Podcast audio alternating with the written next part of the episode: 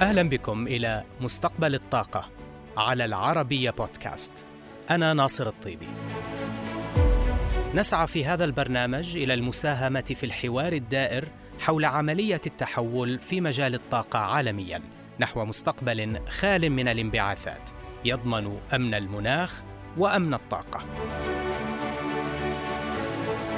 يستمر الزخم العالمي المحيط بجهود مكافحة التغير المناخي والحد من الانبعاثات الكربونية. وذلك تزامنا مع تعافي الاقتصادات العالمية من آثار الجائحة إلى جانب البرامج الاقتصادية التحفيزية الموجهة نحو المشاريع الخضراء. في الوقت ذاته هذا التعافي الاقتصادي الحاصل أنتج ارتدادة حادة في الطلب على الطاقة لا سيما على الأحفورية منها حيث ارتد الطلب على النفط منذ نهاية الربع الثاني من العام الماضي وحتى نهاية الربع الثالث من هذا العام ب 15 مليون برميل يوميا مسجلا قفزة هائلة. وبالرغم من التقدم الملحوظ في استخدامات الطاقات البديلة في الكثير من التطبيقات مثل الكهرباء والنقل والصناعة إلا أنها لا تشكل حلولا للأجل الطويل. وبالتالي فإن الطاقة الأحفورية ستبقى جزءا أساسيا من مزيج الطاقة العالمي على المدى المنظور.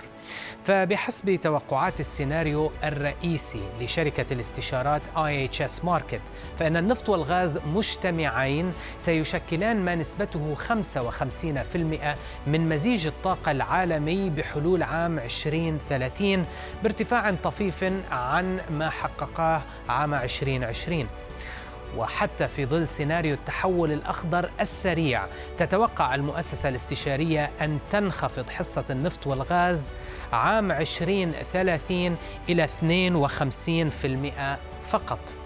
وبحسب معظم السيناريوهات الأساسية المتوقعة فإن الطلب العالمي على النفط بحلول عام 2030 سيشهد نمواً أو على الأقل سيبقى ثابتاً مقارنة بمستوياته الحالية. لكن وبحسب منتدى الطاقة الدولي فإن استثمارات المنبع في النفط والغاز شهدت تراجعا حادا عام 2020 بنحو 30% عن العام الذي سبق ليصل إلى 309 مليار دولار.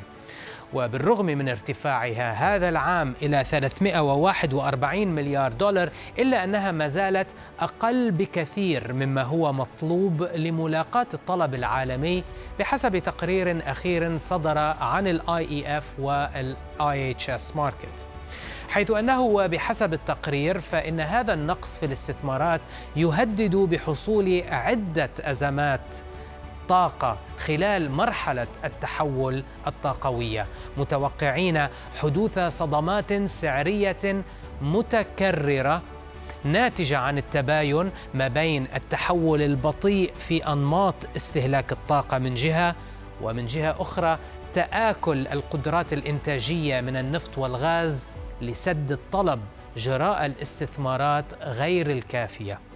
بالتالي يخلص التقرير إلى أن على استثمارات المنبع في النفط والغاز أن تنمو بحلول عام 2030 بنحو 50% مقارنة بمستويات هذا العام لتصل إلى 525 مليار دولار ولذلك أو وذلك لملاقاة الطلب المتوقع.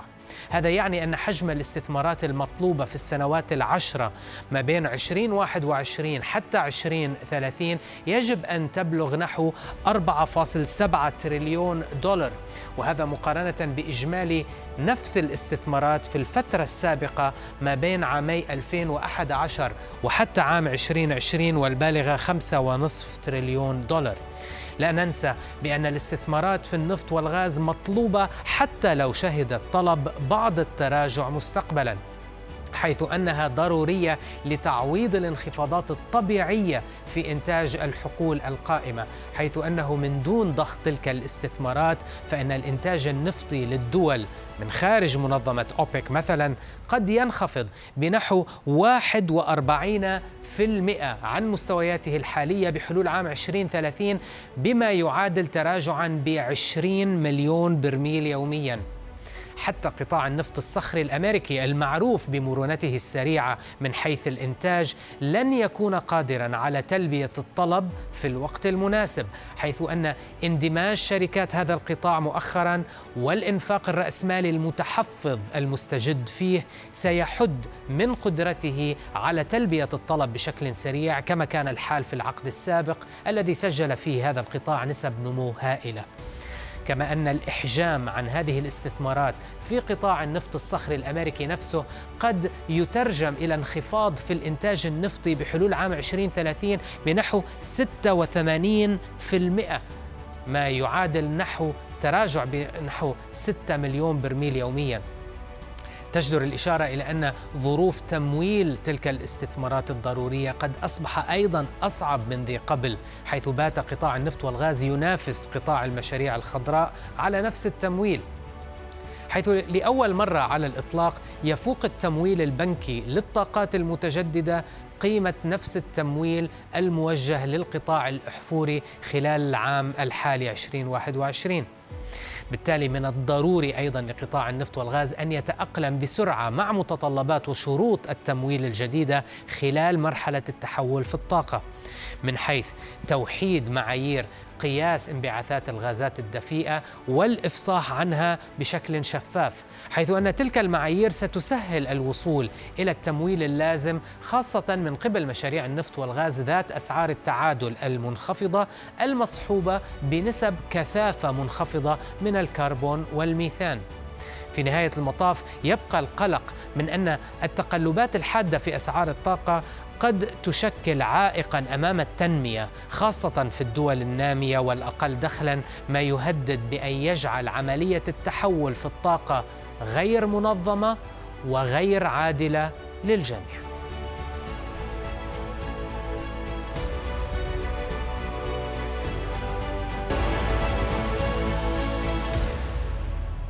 بدوره مشاهدينا حذر وزير الطاقة السعودي الأمير عبد العزيز بن سلمان من أزمة طاقة تلوح في الأفق في حال عدم زيادة الإنفاق الاستثماري في النفط والغاز للحفاظ على الطاقة الإنتاجية.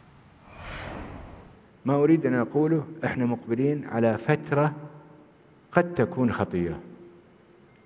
ما لم يكن هناك زيادة في الإنفاق الاستثماري للمحافظة على الطاقة الإنتاجية وزيادتها فالعالم مقبل على أزمة طاقة. بشكل أو آخر أنا لا أتنبأ ولكن أحذر لأنه ستتلاشى الطاقة الإنتاجية الغير مستغلة عالميا. كيف لشركات بترول عالمية ما أتكلم على middle آه، size يعني شركات صغيرة ومتوسطة أتكلم على شركات اللي هي في قياس شفرون إكسون موبل بي بي شل كل هذه الشركات الآن تعاني من شقين. الشق الأول تضييق حكومي من خلال سياسات والشق الثاني هو التضييق المالي من خلال آه، حجب فرص الاقتراض وأيضا الشق الثالث هو التجربة الأليمة اللي مر بعض بعض الشركات فيها خصوصا منتجين البترول الصخري وما إلى ذلك من أنه نموذج العمل بالنسبة لهم كان نموذج مختلف. الآن تغير. في من يطالب أنه يجب أن يتقيد بيئيا. في من يطالب بأنه لا أنا الأرباح المستحقة أنا أحتاجها وأبغاها وبدون هذا لن أستثمر. في حالة إيقاف الاستثمار في قطاع التنقيب اللي ينادي فيه وكالة الطاقة الدولية وغيرها هذه النتيجة. قد ينخفض الطلب على قد ينخفض زيادة الإنتاج أو الإنتاج بحوالي 30 مليون برميل في عام 2030 كل هذه عوامل مخيفة لكن هي أيضا عوامل مطمئنة بأنه ما يقال سواء لعشرين ثلاثين أو ما يقال لعشرين أربعين أو ما يقال حتى لعشرين خمسين هو أمر مبالغ فيه ولن يتحقق. وأنا أعتقد يمكن هذه أهم رسالة أقدمها اليوم لمواطنينا ومواطناتنا لأنه في تشويش آه، على قدم وساق يراد منه آه، إقناعنا أنه إحنا في حالة ضمور في آه، ما يتعلق بأهم صناعة ترعاها هذه الدولة. خلنا نثق في قدراتنا يا جماعة الخير. ولا نكون مستمعين لرسائل مخيفة تفقدنا توازننا وتفقدنا توجهنا وتفقدنا مقدرتنا على أن نحصن أنفسنا. اعتبرت رئيسة مجلس الإدارة والرئيس التنفيذي لشركة النفط الأمريكية أوكسيدنتال فيكي هولب في مقابلة خاصة لمستقبل الطاقة أنه لن تنجح الجهود العالمية للحد من الاحتباس الحراري دون مشاركة فاعلة من صناعة النفط والغاز معتبرة إياها جزءا أساسيا من أي حل مناخي. متوقعة في الوقت نفسه تحقيق تقنيات احتجاز الكربون انخفاضات حادة ومتسارعة في التكلفة أسوة بالانخفاضات التي شهدتها تقنيات الطاقات المتجددة خلال العقد الماضي. ناقشنا بداية كيفية قيام أوكسيدنتل احتساب المخاطر البيئية عند استهدافها لبلوغ صافي صفر بحلول عام 2050 نحن نقوم باحتساب المخاطر عند العمل على محفظتنا حيث نخلق كل سنة نموذجا ينظر في حجم انبعاثاتنا ونقارن ذلك بقيمة استثماراتنا كما نقارنه بنسبة عوائدنا. وفي ضوء ذلك نحاول أن نضمن ليس فقط أن استثماراتنا تخلق القيمة القصوى لمساهمينا بل أيضا أن نخفض من المخاطر المناخية. ونحن ماضون في ذلك حيث نعمل على إبقاء الانبعاثات الناجمة عن عملياتنا عند أدنى مستوى ممكن وذلك من خلال تطبيق أفضل الممارسات المتبعة اليوم إضافة إلى تطوير تقنيات جديدة لمزيد من الخفض في انبعاثاتنا الناتجة عن عملياتنا. وكما تعرف فنحن نهدف لتحقيق صافي صفر كربون بحلول عام 2050 وهذا يتضمن أهدافا مرحلية سنحققها بكل تأكيد. وهذا أمر مهم جدا بالنسبة لنا لكي نصبح مستقبلا شركة نفط وغاز مستدامة. وهذا سيتطلب وضع أهداف صارمة جدا تتعلق بكيفية استثمار أموالنا وكيفية إدارة انبعاثاتنا حيث أن الوصول إلى صافي صفر كربون أمر يجب أن يتم تحقيقه.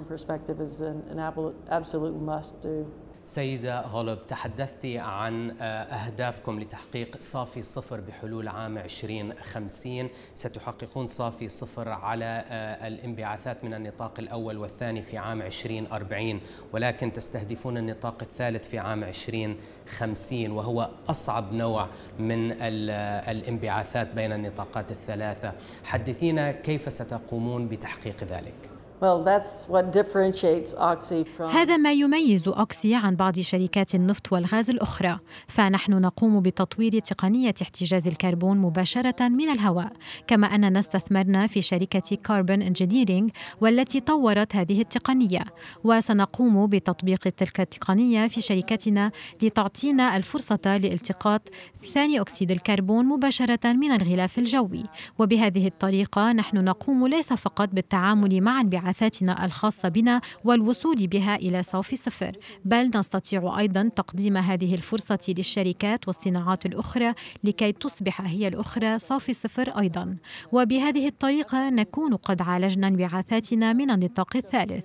هذه الفئة من الانبعاثات كما تعلم ناتجة عن استهلاك منتجاتنا. فبالتالي وعلى عكس الآخرين تعطينا تقنية احتجاز الكربون مباشرة من الهواء فرصة سانحة لتصفير انبعاثات انبعاثاتنا من النطاق الثالث.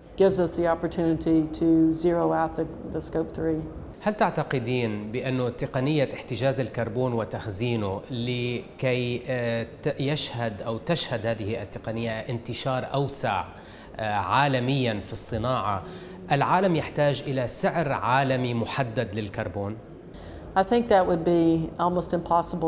أتصور أن تحقيق ذلك قد يكون مستحيلا، فإنه من الصعوبة بمكان أن تتوصل الدول فرادى إلى اتفاق حول كيفية وضع ضريبة على الكربون أو تسعيره، وأنا أعتقد بأن الأسواق ستكون قادرة على تسعير الكربون لوحدها في مناطق إقليمية، لأنه ومن ضوء تجربتنا في الولايات المتحدة وجدنا أنه عندما أعلنا عن تقنيتنا لاحتجاز الكربون مباشرة من الهواء بدأ بدأت تتوارد إلينا الاتصالات من شركات عديدة تريد خفض انبعاثاتها وأن تصبح شركات صافي صفر.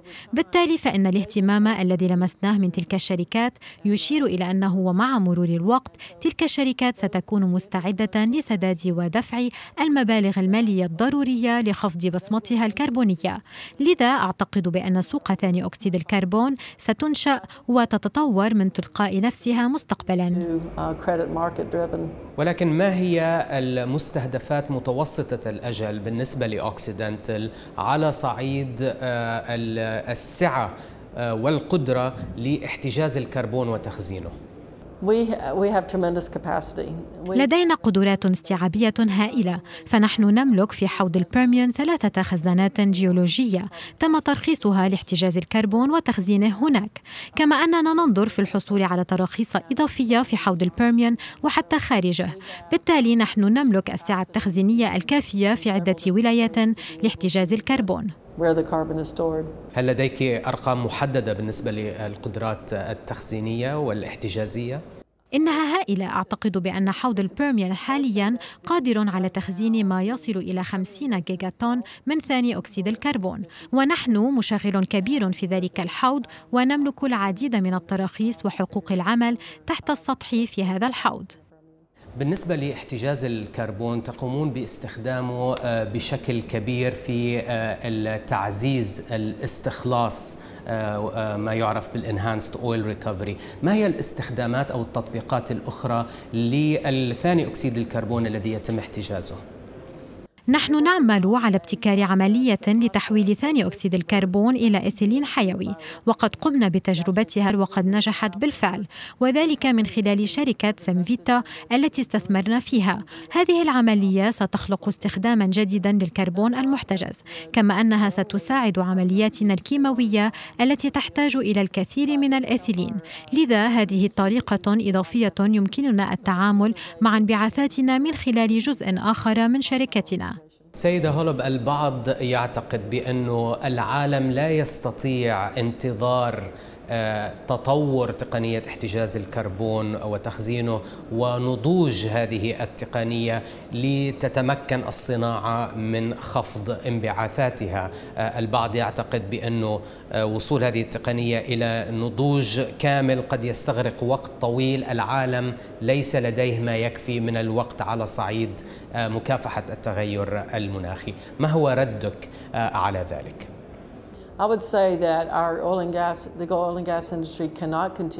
رأيي هو أن صناعة النفط والغاز لا يمكن لها أن تستمر كما اعتادت عليه.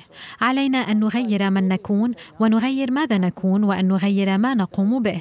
هذا أمر بالغ الأهمية، ولكن هذا التغيير سيأتي من خلال التكنولوجيا، وأنا لا أتوافق أبدا مع أي شخص يقول بأننا غير قادرين على ابتكار التقنيات الضرورية لتحقيق ذلك. فنحن نقوم بالتعامل مع ثاني أكسيد الكربون منذ أربعين عاما في حوض البيربيان لاستخدامه في الاستخلاص المعزز للنفط. فنحن أكبر مستخدم لثاني أكسيد الكربون لهذا الغرض في العالم. لذا نعرف بأن التكنولوجيا قادرة على النجاح. نحن اليوم نقوم بفصل ثاني أكسيد الكربون من الغازات الهيدروكربونية. نحن قادرون على فصله من الهواء وفصله من غازات عوادم المصانع مستخدمين مركبات الأمينات إلى جانب الأغشية. والآن سنبدأ باستخدام تقنية جديدة وهي احتجاز الكربون مباشرة من الهواء. فالتكنولوجيا متوفرة. هي تحتاج فقط إلى مزيد من التطوير لخفض تكاليفها. وأنا أؤمن بأن تكاليفها ستنخفض كما انخفضت تكاليف الطاقات الشمسية والهوائية. فقبل سنوات كان الجميع يعتقد بأن تلك الطاقات المتجددة باهظة الكلفة وأنها لن تنجح أبدا. ولكن في السنوات الخمس عشرة الماضية انخفضت كلفة الرياح في المئة في حين انخفضت كلفة الطاقة الشمسية بنحو 80% ونحن قادرون على فعل الشيء ذاته مع تقنيات احتجاز الكربون واستخدامه. هذا الأمر سيتحقق. يجب أن يتحقق. ولأنه أمر يجب أن يتحقق فإننا سنحققه. فصناعة النفط والغاز صناعة امتهنت لابتكار لمئات السنين. مؤخرا طبعا عقد مؤتمر الأمم المتحدة للمناخ في غلاسكو كوب 26 ما هي كانت نظرتك على مخرجات هذا المؤتمر فيما يخص قطاع الطاقة وصناعة النفط والغاز؟ أعتقد أن الاهتمام الذي شهدناه هذا العام أمر إيجابي للغاية. فقد قام نحو أربعين ألف شخص بالتسجيل للمؤتمر. وقد أشرت أنت إلى نحو ثلاثين ألف حضورا عندما كنت أنت هناك. أنا حضرت الأسبوع الثاني من المؤتمر والذي شهد أعدادا أقل بعض الشيء. لكن كان هناك الكثير من قادة الأعمال. وهذا على عكس ما كان يحصل في السابق حيث كان معظم الحضور هم وزراء البيئة والعلماء والناشطون. ولكن هذه السنة حضر العديد من الرؤساء التنفيذيين للشركات وجاءوا من منظور أن على الجميع التكاتف والتعاون في هذا الشأن. وهذه أمور إيجابية جدا لكن كان هناك أمر سلبي واحد في مؤتمر المناخ في غلاسكو كوب 26 وهو أن صناعة النفط والغاز لم يكن لها كرسي على طاولة الحوار. وهذا ما يجعلني متحمسة جدا بأن كوب 28 سيعقد في أبو ظبي. أتصور بأن هذا سيعطينا صوتا في الحوار القائم لأنه يجب علينا أن نكون جزءا من الحل. من غير الممكن أن تحد من ارتفاع الاحتباس الحراري إلى درجة ونصف الدرجة من دون مشاركة فاعلة لصناعة النفط والغاز لأننا نملك المعرفة والخبرة اللازمة لتحقيق ذلك. سيدة هولب آه، في السنتين الماضيتين شهدنا أنه كثير من شركات النفط الصخري الأمريكية تقوم بضبط آه، إنتاجها آه، هل تعتقدين بأنه عملية ضبط الإنتاج لإعادة الأموال للمستثمرين وخفض الديون ستستمر في حال بقاء أسعار النفط فوق الثمانين دولار للبرميل؟ أعتقد بأنه من المنطقي أن نوازن العرض مع الطلب. لذا الأمر يتعلق بشكل أساسي بالطلب. لا نريد أن ندخم السوق بالإمدادات. علينا التأكد من أن إمداداتنا تتوازن مع ما هو مطلوب. مجتمع المالي إلى مسألة الانضباط فهم يتصورون أن هذا يعني إبقاء مستوى الإنتاج ثابتا. ولكن هذا الأمر لن يفلح في حال استمر الطلب بالنمو رافعا معه الأسعار صعودا. بالتالي لموازنة كلفة ما ينفقها المستهلكون على منتجات النفط والغاز علينا أن نلاقي هذا الطلب. لذا فإن الأمر يعتمد بشكل أساسي على تطورات الأسواق. And so I think it really depends on what happens in the markets. بهذا نصل إلى نهاية حلقتنا لهذا الأسبوع. نلقاكم الأسبوع المقبل في حلقة جديدة من مستقبل الطاقة على العربية بودكاست.